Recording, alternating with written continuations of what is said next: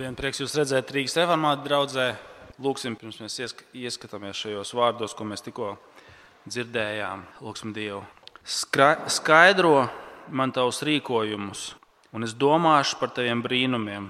Kungs, mēs uh, paši par sevi esam akli pret tavu vārdu, pret taviem brīnumiem.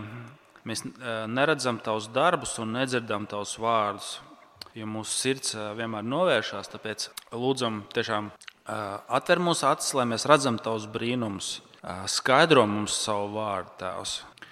Sūta savu svēto garu, lai ar to, ko mēs dzirdam, tiešām viņš mūs pārliecina, kungs, par tavu dēlu Kristu, par glābšanu, kas ir tikai viņā, un ka viņš mums vajadzīgs kā ķēniņš un valdnieks. Tēvs, tikai tu to vari izdarīt ar savu vārdu un ar savu svēto garu. Lūdzam to Jēzus nopelnu dēļ. Āmen. Ja man jums būtu jānosauc visšokējošākā raksturvieta Bībelē, manā nu, personiskajā sarakstā, un es arī domāju, objektīvi, tā ir tā, ko mēs tikko dzirdējām. Vistrakākā un visšokējošākā raksturvieta. Es, pie, es pieļauju, ka jums šīs pašas sajūtas radās arī klausoties. Un, un ko šis teksts izdara? Viņš noteikti mums parāda, ka tic, ka kristieši nav, viņiem nevajadzētu būt cilvēkiem, kas dzīvo ar, ar rožainām, ar rozā brillēm. Šī raksturvieta ap, apraksta realitāti, kāda tā ir bez dieva. Pie kam tā ir realitāte draudzē. Un, uh, tas mums pasaka, ka mums nevajadzētu būt cilvēkiem ar roža, uh, rozā brillēm. Kristietim jābūt cilvēkam, kas reāli var paskatīties aci, acīs patiesībai, kā tā ir pasaulē. Un otrs šīs raksturvietas uzdevums ir mums ilgoties pēc tā, ka šai pasaulē varētu būt glābšana un risinājums. Jūs zināt, kā paskatieties šodien, vai ne 21. gadsimtā. Vienalga, kur tu raidi savus acis šobrīd pasaulē, uz kuru, uz kuru geogrāfisko zonu, kur uh, uz globas skaties, kur gribi. Vai nav kaut kas tāds, kas liek mums nodarbēt? Protams, karš Ukrajinā. Pastamies uz nu, mūsdienu pasaules bagātāko, labklājīgāko vietu uz Amerikas Savienotajām valstīm. Pirms divām nedēļām šaušana, kārtējā šaušana skolā. Vairāk daudz bērni beigti. Ja, preizi. Āzija, Āfrika, Latvija-Amerika. Skaties, kur gribi. es ceru, ka mēs ilgojamies, lai šai pasaulē būtu glābšana kaut kāda lai no šīs situācijas būtu glābšana. Un šī raksturvieta, kas mums ir priekšā, šodien soļu grāmatā 19. nodaļa, mums pasaka, jā, tā ir tā pati diagnoze Bībelē, kādu tu redzi pasaulē, kādu tu redzi sev apkārt. Un šajās trīs mēs nosījām tikai vienu nodaļu, es tālāk divām pieskaršos, tikai tur, kur tālāk būs. Bet ir viena lieta, kas atkārtojas atkal un atkal šajās trīs nodaļās, 19, 20, 21.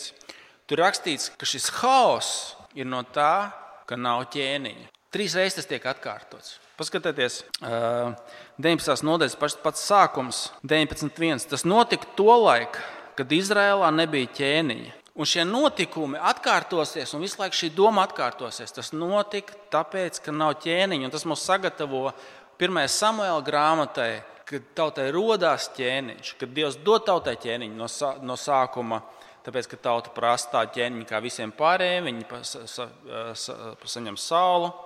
Bet Dāvids ir tālāk priekšvēstnes tam ķēniņam, ko mēs esam saņēmuši, kas mums dots Kristū, un kurā būs pasaulē šī glābšana. Ja? Bet šis atkārtojums tas notika laikā, kad nebija ķēniņa. Un 21. nodaļas beigas paskatieties, kā, kādas ir. Paši jūs varat pašķirt uz priekšu sev Bībelē, 25. pants. Tolēk Izrēlā nebija ķēniņa, un katrs darīja tā, kā tam šķita pareizi. No ķēniņa, un katrs dara, kā tam šķiet pareizi. Vai tas nav tas, kādā pasaulē mēs šodien dzīvojam? Mēs dzīvojam, kad brīvības ideāls ir, ka katrs dara, kā, grib, eh, kā tam šķiet pareizi. Ka neviens par mums nevalda, mēs katrs darām, kā mums šķiet pareizi. Un šīs dienas nodaļa ir eh, par to īpaši par morālu hausu, bet tieši kad katrs dara, kā viņam šķiet pareizi, seksuāli. Vai tas kaut kas tāds, ko mēs esam dzirdējuši kaut kur šodien apkārt? Ja? Šī 19, 20 un 21 nodaļa ir morāls haoss seksualitātes jomā. Ka seksualitātes jomā katrs gar, kā tam šķiet pareizi. Kas notiek? Paskatīsimies, kas notiek. Tas ir laikā, kad Izrēlā nav ķēniņa un katrs dara, kā tam šķiet pareizi.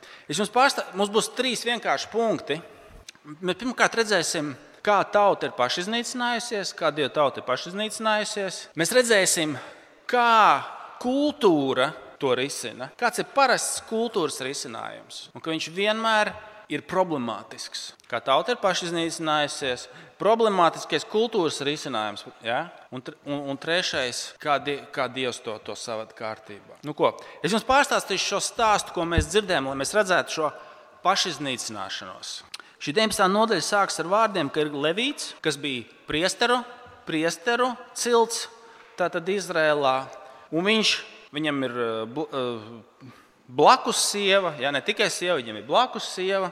Un šī blakus sieva pārkāpj laulību un, un, un aizmūk no viņa. Bet viņš iet viņu meklēt. Un šeit jau mums ir jau tāds, tā, tā diagnoze, ka nu, kaut kas smagi nav kārtībā šajā tautā. Un tas tika parādīts, ka arī Izraels, kā dieva, eh, kā kunga laulātā draudzene, arī ir aizmukusi. Un kad Dievs viņu iet meklēt, kad ir, ir starp dievu un viņa tautu notikusi laulības pārkāpšana. Viņš aiziet, viņš, eh, viņš atrod šo sievu, viņš viņu grib vest atpakaļ uz Bēntlemi, Jūdā, kā mums šeit ir sacīts. Viņas sievas tēvs viņu ilgāku laiku aiztur, viņi tur, kā teikt, svin, un tad viņi dodas. Viņi teikt, dodas mājās, un viņš pa ceļam, ja, pa ceļam pienāk, pienāk nakts. Um, viņi nonāk, uh, ro, uh, kur jebūsieši dzīvo. Un viņi, kur viņi var palikt, palikt pa nakti. Un viņš saka, nē, pie viņiem nepaliksim, jo tie ir ien, ienaidnieku tauta. Ja, paliksim pie Benjāmina pilsētā. Tas ir apmēram, ziniet, kā šodien. Piedodiet, kad es to pieminēšu, jā, vēlreiz tas ir varbūt Nu, varbūt Ukrāņi negribētu Krievijas kādā pilsētā palikt, vai arī Krievi Ukrajinā. Mēs to, šo, šo, šobrīd mēs to varam apmēram saprast. Nu, lūk, viņš saka, um, tātad, viņš saka, nē, mēs iesim, kur ir uz vienu no Izraēlas uh, pilsētām. Ja? 11. 12. pants, kad tie bija pie Jebūsas un diena bija gandrīz galā, puisis teica savam kungam, Jau nāc, iegriezīsimies šajā, iebūsiešu pilsētā un tur pārnakšņosim. Bet viņa kungs sacīja, mēs nepalieksim sveštautiešu pilsētā, kur nav no Izraēla, dē, eh, kuri nav no Izraēla dēliem, bet iesim tālāk uz Gibu. Nu, viņi nonāk uz Gibu. Zini, kāpēc tas mums ir? Viņš saka, nē, mēs nepaliksim pie pagāniem, jo tur mēs nebūsim drošībā. Ja? Mēs iesim uz Gibu, uz Benjamina cilts, uz Izraēliešu pilsētu. Tur mums jābūt drošībā. Tā bija vietai, kur viņiem bija jābūt drošībā. Tieši tas kontrasts, ka viņi jau paliek pie savējiem. Un tad sākās šie, šie dramatiskie, trakie notikumi. Un tas mums vēlreiz akcentē, ka Bībele vienmēr pastāsta visu stāstu. Ziniet, kā eh, es varu būt pilnīgi pārliecināts, ka ir lietas, ko tu negribi par sevi stāstīt. Ja? Kur es runāju par kristiešiem, kur tu nu, varbūt tikai tuvākiem cilvēkiem pastāstīsi, kur, tu, kur, tu, kur tu negribi, eh, teiksim tā, tavā dzīvē noteikti ir kaut kas tāds, kur tu negribi stāstīt visu stāstu. Noteikti ne jebkuram. Mēs vienmēr negribam pastāstīt visu stāstu. Ja? Bet Bībelē to atšķirās. Dieva vārds viņš ir gatavs pastāstīt visu stāstu. Jo Dieva žēlastība un viņa spēks un viņa glābšana ietver pilnīgi visu. Dievs vienmēr pastāsta visu stāstu. Un šeit mēs nonākam līdz šiem trakajiem notikumiem, kur viņš nonāk tātad, Gibā. Viņam nav kur tur palikt. Bet kāds cilvēks, nākdams no lauka, viņu pieņem, viņu uzņem savā mājās, bet, un te sākās tā, tas dramatiskais, ierodas cilvēki, kas saka, nāc, mēs, mēs, mēs, mēs gribam to vīru, mēs, mēs gribam viņu, to, kas tev pie tevis ir ciemos. Un tas mums ir ieliks, lai mēs atcerētos kādu citu stāstu no Bībeles. Ja mēs esam lasījuši, tas mums ir kaut kas dzirdēts. Pirmajā mūzes grāmatā, 19. nodaļa, Sodoma un Gomora. Kad pie Lata atnāk eņģeļi, Dievs sūtīt eņģeļi, lai viņi izvest ārā, jo par Sodomu un Gomoru tiks tiesāta. Un tieši tie paši vārdi. Tur burtiski ir vārds vārdā atkārtots, ka Izraels ir kļuvis kā Sodoma un Gomora. Es jums nolasīšu šos vārdus 19. nodaļa, sakot 22. pāntu. Kamēr viņi iepriecinājās savus sirdis, redzi pilsētas vīri, nelieši ielenkuši māju, daudzīja pa durvīm un sauc tam vecajam vīram, nama saimniekam. Izved to vīru, kas ir ienācis pie tevis namā. Mēs to iegūsim. Kas ir noticis ar Dievu tautu? Tad, kad katrs dara, kā viņam šķiet pareizi, kad par viņiem nevalda kungs, kad par viņiem nevalda Dieva vārds, kaut arī viņiem vajadzēja būt savādākiem. Kas var notikt ar draugu? Vai mēs nezinām šos skandālus, kas ir notikuši draudzē? Ja? Pareizi. Arī mūsdienās. Kas notiek, kad Kristus valdīšana tiek nomesta? Kas notiek, kad Kristus vārds tiek atmests? Draudze var reāli kļūt kā Sodoma un Gomora. Tur būs krusti uz tām ēkām. Tur cilvēks staigās tērpos, bet viņa pavisam reāli var kļūt kā Sodoma un Gomora. Pavisam reāli. Ja? Un to mēs arī redzam šeit. Un trakākais ne tikai tie, eh, tie gibas iedzīvotāji dūlē. Ja? Tas nav pats, tas, tas, ir, tas tikai pirmā, pirmā sērija. Tas, ko dara šis uh, saimnieks, kas viņus uzņem, un Levīts, tas ir nākošais stāsts, par kuru mums jānodarbojas. Viņš saka, uh, tas, tas, tas saimnieks, kas viņus uzņem, viņš saka, nedariet tā, es, viņus, es esmu nepārkāpiet manu viesmīlību. Ņemiet manu meitu un to sievu un dariet, kā gribiet. Un ko viņi paņem? Viņi, viņi izgrūž ārā to blakus sievu pie viņiem. Ja? Respektīvi, pilsētas iedzīvotāja rīcība ir šokējoša. Bet arī paša Levīta un viņa eh, nama tēva rīcība ir šokējoša. Paskatieties, es jums nolasīšu. Ja? Tad nama saimnieks izgāja pie tiem un sacīja: Nē, man brāļi, jau nedariet tādu ļaunu. Kad nu šis vīrs ir nācis manā namā, nedariet tādu vaiprātu. Redzi, mana meita, jaunava, un viņa blakus jau izradīšu jums tās, piesmējiet tās un dariet viņām, kā jums tīk. Bet šim vīram nedariet neko tādu, tādu vaiprātīgu lietu. Ja? Mums ir jānodreb pie šiem gibas iedzīvotājiem, mums, mums jānodreb to, ko dara nama tēvs un šis levīts. Tiek izgrūsta ārā šī blakus sieva. Un, un, un tad šoks tikai turpinās. Viņš no rīta iznāk ārā, it kā nekas nebūtu noticis, un saka, celies! Braucam! Un tad viņi nevar piecelties, viņš viņu uzliek uz ēzeļa, viņš viņu atved mājās. Viņš viņu uh, sacēla 12 gabalos un aizsūta uz visu no 12 ciltīm. Jo viņš saka, uh, pietiek. Tas, tas ir pārkāpts visas sarkanās līnijas. Bet interesanti, tas ir interesanti, ka tad, kad visi nošokējās, viss vis cilts ierodās kopā un ka visi ir šokā, viņam, viņš atstāsta, kas ir noticis. Viņš nepiemina tas, kas ir izdarīts šīm sievietēm. Šis viss pāridarījums ir par to, kas ir izdarīts viņam. Viņš ir, ir galvenais cietējs tajā visā. Un tas mums pasaka, zini ko? Ka mēs varam redzēt visos nodarījumos, varam neredzēt sevi kā vainīgo. Mēs redzam, kas mums ir izdarīts. Bet tas nav tik tipiski. Paskatieties, kā viņš apraksta šos notikumus. Viņš piemin sevi kā galveno cietušo. Nevis šo, šo te viņa sievu. Ja? Paskatieties, kā viņš apraksta. Uh, es sākšu, uh, sākšu 19. nodaļas 3. pantu, un tad uz priekšu to, ko mēs nelasījām, vienkārši pieķeršu šo gabaliņu klāt. Tad viss, kas to redzēja, teica, nekas tam līdzīgs nav noticis, nedz eh, pieredzēts kopš tās dienas, kad Izraēla dēls iznāca no Eģiptes zemes līdz šai dienai. Lieciet vērā, apsveriet un izskatiet. Tad visi Izraēla dēli, viss sapulcs no Dāna līdz Bēršabai un Gileādas zemē, kā viens vīrs gāja un sapulcējās pie kunga Micpā. Un tad uh, ar 4. pāntu viņš atstāsta, kas ir noticis. Tas ir 24. Un Levīts nogalinātās sievas vīrs sacīja: Mēs ar blakus sievu ienācām pāriņķot gibā, kas pieder Benjaminam, bet gibas vīri cēlās pret mani un ielēca manu naktsmītni. Tie domāja man nonāvēt, bet manu blakus sievu piesmēja tā, ka viņa nomira. Tad es paķēru savu blakus sievu sacītu gabalos un izsūtīju pa visiem Izraēlas novadiem, jo, jo nelietību un vājprātu tie darījuši Izrēlā. Redziet, viss ir par viņu. Viņi man uzbruka. Bet to, ko viņš ir izdarījis, nekas netiek pieminēts. Vai mums nav tā patās, vai ne? Ziniet, kā parasti, ja paskatieties uz, uz politiku, piemēram, vienkārši viens piemērs no politikas. Kad jūs esat, vai, vai jūs varat nosaukt kaut vienu gadījumu, kad kāds politiķis, kad viņiem tiek taujāts par problēmām nācijā, valstī, finansēs, likumdošanā, li, li, tiesību aizsardzībā un tā tālāk, Vai jūs esat dzirdējuši, kāds no politiķiem pasakā, jā, es biju vainīgs, tā ir mana vaina. Tie ir mani nepareizie lēmumi. Kad jūs esat kaut ko tādu dzirdējuši, es jums uzreiz varu pateikt, es to neesmu dzirdējis nekad. Es neatceros, es nevarēju atrast ātrumā.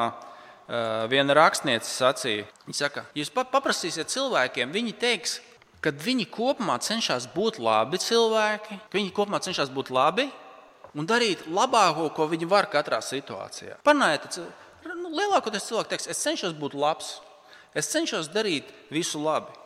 Bet kaut kā Viss ir ļoti slikti. Ja? Visi cenšas būt labi cilvēki, sevi uzskata par labiem cilvēkiem, cenšas darīt labu, bet viss ir kaut kā slikti. Un vienmēr tas viņi ir vainīgi. Saka, politiķi, kurš ir vainīgs? Neviens nekad nepasaka, es esmu vainīgs. Viņi ir vainīgi. Iepriekšējais, ja? visi pārējie tikai nē, es. Bet vai mēs nedarām tieši tāpatās? Kad mēs pasakām, jā, es esmu vainīgs, es esmu minējis šo piemēru, kur es sevi vairāk pieķeru tas, kur es sevi visvairāk pieķeru šajā nu, liekulībā, teiksim, tā, uz ceļa, braucot. Tas noteikti arī citās sfērās visdrīzāk tas tā ir. Bet braucot, man ir ļoti tīri, skaisti, pareizi standarti, kā es gribu, lai pārējie brauc. Kā viņi rīkojās jau uz ceļa. Un es regulāri pieķeru, ka es īstenībā daru tāpatās. Kad es pārkāpju ātrumu tur, kur es gribu, lai viņi brauc Uh, lēnām, ja? un tā tālāk, un tā tālāk. Un tā tālāk. Citiem vārdiem sakot, līdzīgi kā šis Levīts, kur, kur ir problēma? Ka viņš redz sevi kā upuri, nevis kā vainīgo tajā visā. Un tad, tad tauta, par ko tas izvēršas, kāds tam ir rezultāts? Ja soļu grāmatas sākumā viņi karo ar savus tautas ienaidniekiem, tad soļu grāmatas beigās viņi vēršas ar genocīdu jau pret sevi jau pret vienu no savām ciltīm.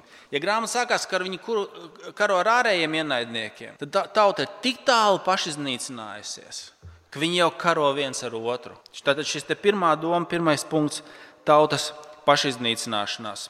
20. nodaļas beigas, tad es nolasīšu tikai pēdējo gabaliņu, kur viņi uz, uz, uz, uzbrūk šeit Benjamina ciltī, viņi sakauja. Tas 20. nodaļas beigas, 43. pants, 20, 43. Tie aplenca beņāmieniešus un sekoja viņiem līdz apstāšanās vietai. Trēnginami tos, līdz tie bija austrumu pusē Gibai. Benjāmīniešiem krita 18,000 vīru. Tie visi bija stipri vīri. Grāmatā sākas to, ka viņi karo ar ienaidniekiem, tad viņi jau beigās karo ar sevi. Kas notiks? Kas notiks ar tautu, un tā skaitā šeit kristiešiem, kad, viņa, kad viņi nometīs kungu valdīšanu, kad viņi atmet kungu vārdu? Kas notiks, ka viņiem nav ķēniņa? Kas notiks? Tas beigsies ar pašiznīcināšanos un, un degradēšanos. Tas reāli var notikt. Tas, tas ir reāli, ko mēs redzam. Un atbilde, kas viņiem ir vajadzīgs? Viņiem ir vajadzīgs ķēniņš. Un ziniet, kāpēc tas vēl vairāk tiek izcelts ar otro punktu? Šī doma, ka viņi darīja, kas viņiem ienāk prātā, tāpēc, ka viņiem nebija ķēniņa ķēniņi tiek apstiprināti, pastiprināti ar nākamo domu, ko mēs šeit redzam. Ka viņi cenšas tagad risināt situāciju. Viena no ciltīm ir iznīcināta, gan drīz var teikt, iznīcināta. Viņi ir, ir noticis genocīds pret savu pašu ciltu, un viņiem paliek žēl. Viņi, un viņi ir devuši solījumu, vēl vairāk viņi, viņi saka, mēs esam devuši solījumu nedot viņiem savus meitas. Lai mēs viņus nožņauksim arī, arī caur, caur, caur uh, nedzimstību. Mēs nedosim, Mēs nedosim viņiem savus meitas, lai viņiem nedzimst bērni. Mēs to cilti izdarām. Viņi saprot, ka tā ir problēma. Saka, tas ir pat raku. Viņi, viņi tagad apķerās, bet ko mēs tagad darīsim? Un te mēs nonākam pie otrā punkta. Kad cilvēciskie risinājumi šai pasaules kritušiem stāvoklim ir vienmēr ar problēmām.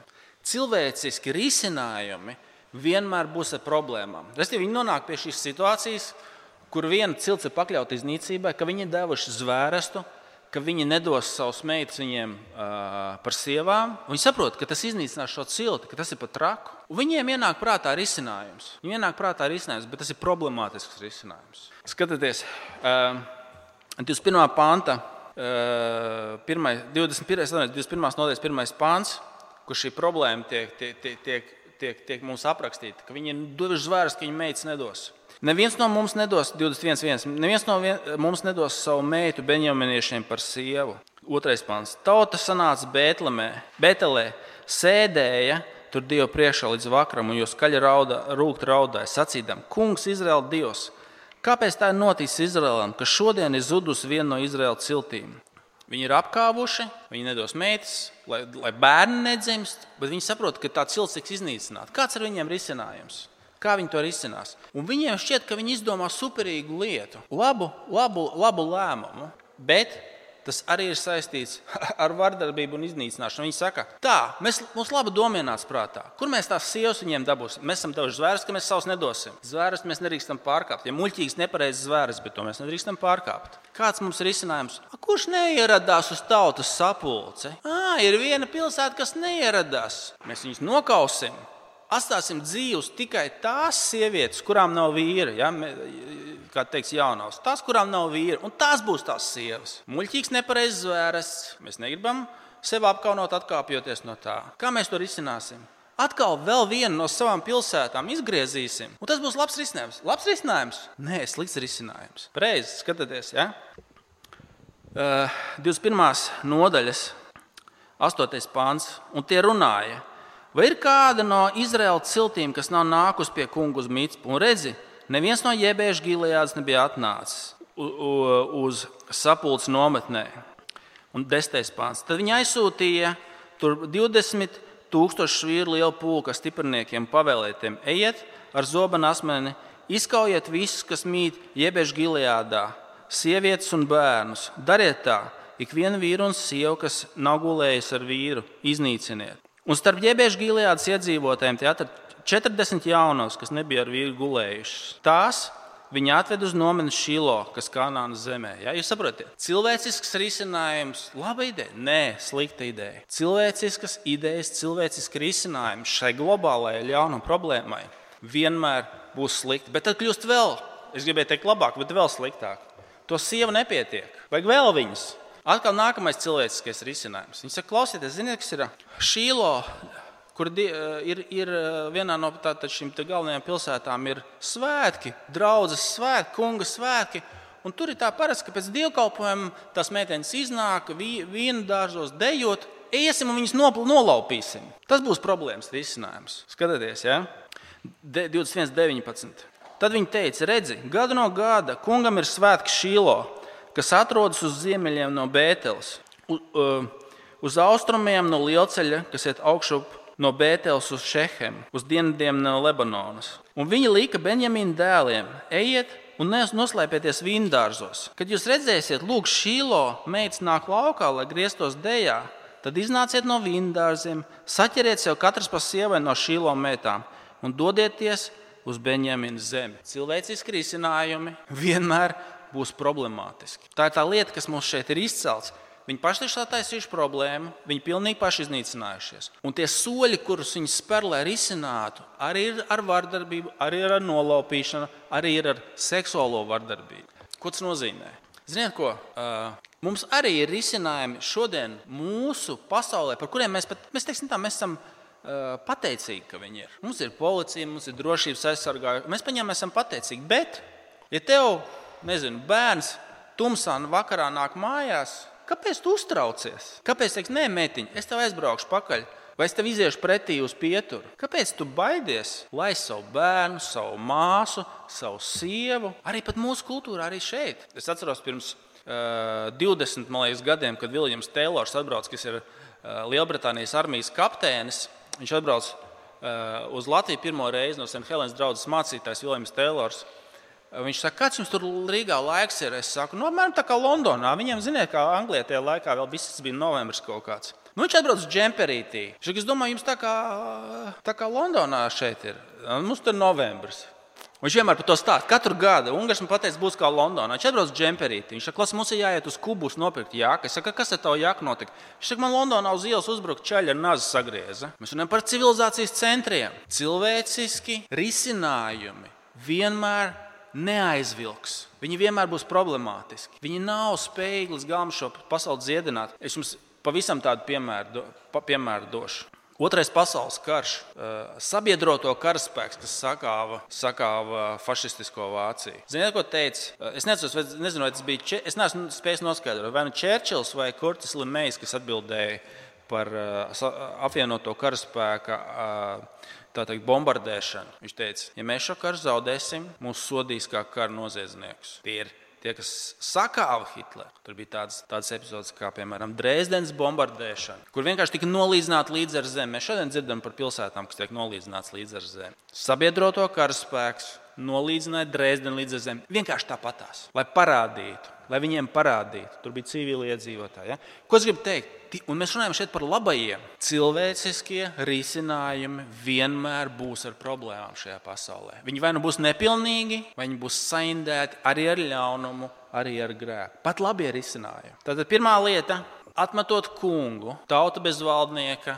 pašiznīcināsies, Tie cilvēciskie risinājumi, ko viņi pieņem, ir brīžiem tikpat ļauni, kā tas, pret ko viņi cīnās. Un trešais, mums ir atbilde, kā, kā jūs teicat šajos te vārdos, Mums soļu grāmata sagatavo tam, ka tautai ir vajadzīgs ķēniņš. Šoreiz nolasīšu 21. nodaļas, 25. pāntu, ar ko tas noslēdzās visa grāmata. Tolēk Izrēlā nebija ķēniņa, un katrs garīgi darīja, kā tam šķita pareizi. Ko, ko šī grāmata kad, kas notiek, kad tautai no ķēniņa? Kad tautai nav valdnieka, tas mums sagatavo tam, ka nāks Dāvids kurš arī bija nepi, nepilnīgs, bet viņš mums norāda uz to ķēniņu, kas mums īstenībā ir vajadzīgs. Tas mums vajadzīgs ir mums vajadzīgs Kristus. Tas, kas ne tikai ārēji par mums valdīs, bet kas nāks un izmainīs, un dziedinās un nomazgās mūsu sirdis. Mums visiem šeit ir vajadzīgs valdnieks, kas iet tālāk tikai par likumiem, kas izmaina mūsu sirdis, kas mūs nomazgā mūsu grēkus, kas valda pār mums. Jo atcerieties,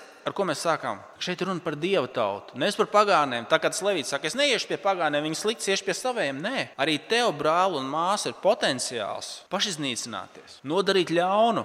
Tev vajag ķēniņu, kas par tevi valdīs, kas tev piedos, kas nomazgās tavus grēkus un izmainīs tavu sirdi un ievadīs savā valstībā, kuram būs tāda valstība, kur ļaunuma vairs nebūs. Es gribu noslēgt pēdējo raksturvietu no, no atklāsmes grāmatas, ka mēs redzam, kāda ir Dieva pilsēta.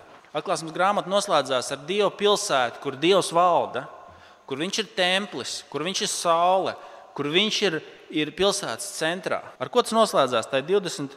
Um, Tā ir 21. nodaļa. Tas pat atšķiras pašas Bībeles beigas 1270. lapas pusi, 1270. lapas pusi. 1270. lapas puse atklāsmes grāmata. Sākot ar 22. pāntu, 21, 20. To mēs noslēgsim. Mums ir vajadzīgs ķēniņš. Soļu grāmata mums saga, parāda, kas notiek, kad nav, mums nav ķēniņa. Kas ar Dievu tautu notiek, ka viņi atmet ķēniņu un viņu vārdu. Ka mums viņš ir vajadzīgs. Un apstieties, kāds ir redzējums tai pilsētai, kuru mēs sagaidām. Mēs tikko redzējām pilsētu Gibēju, ja? vienu no Izraēlas pilsētām. Tam prestats ir Dieva pilsēta sakot 22. pāntu.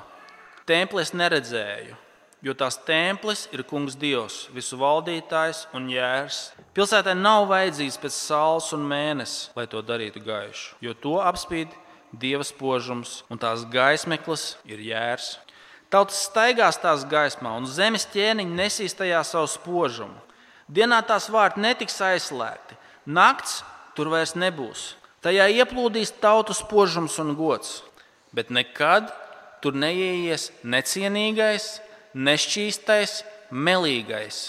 Tajā ieies tikai tie, tikai, uh, tie kas ierakstīti jēra dzīvības grāmatā. Kāpēc pilsēta netiks aizslēgta? Kāpēc tas ir svarīgi?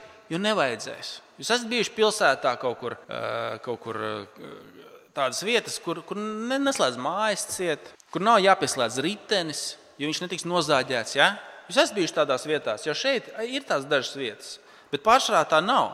Tur rakstīts, tur nevajadzēs atslēgas, jo grēku un ļaunumu šajā pilsētā vairs nebūs. Un ar ko noslēdzās šis 27. pants? Tur neies nekas necienīgs, nešķīsts un melīgs. Lūk, kāda ir, ir redzējums par pilsētu, kurā Kristus valda. Mums ir parādīta pilsēta, kas ir pašiznīcinājusies, kur ir morāls haoss, kur katrs dara kā grib. Un arī bieži vien šajā pasaulē, kur mēs dzīvojam, tā ir. Bet Kristus. Apstieties, kas ir tie, kas ieiet šajā. Ne jau mēs paši. Ziniet, kas ir? Man pašam par sevi arī nav vietas šajā pilsētā. Un tev, tādam kāds tu esi, ja? vai tu, ja?